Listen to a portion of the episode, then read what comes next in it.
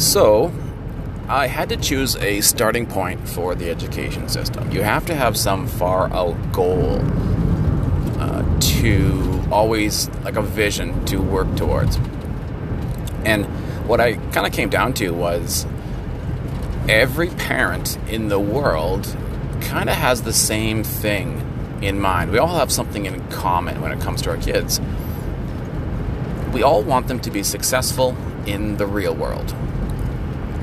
Now, how you define success is a whole nother topic. We'll talk about that later. But for now, just go with it.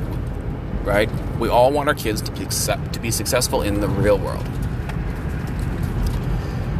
So, in life, if you want to be good at something, you have to practice it. The more you practice something, the better you'll get at it. Right? Our bodies, our minds are designed, they're malleable. They can change configuration to suit whatever task we're doing. So if you, we want our kids to be successful in the real world, they should be spending as much time as possible in the real world. Right? That's how you get good at the real world.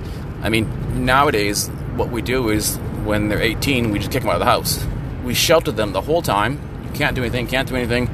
Stay in the schools, and then all of a sudden, boom, we boot them out.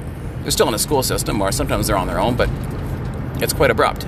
Uh, I'm thinking that if we gave them more practice about with real world activities, they would be they'd hit the ground running anyway when they got to 18. So, uh, the end goal to make kids successful in the real world,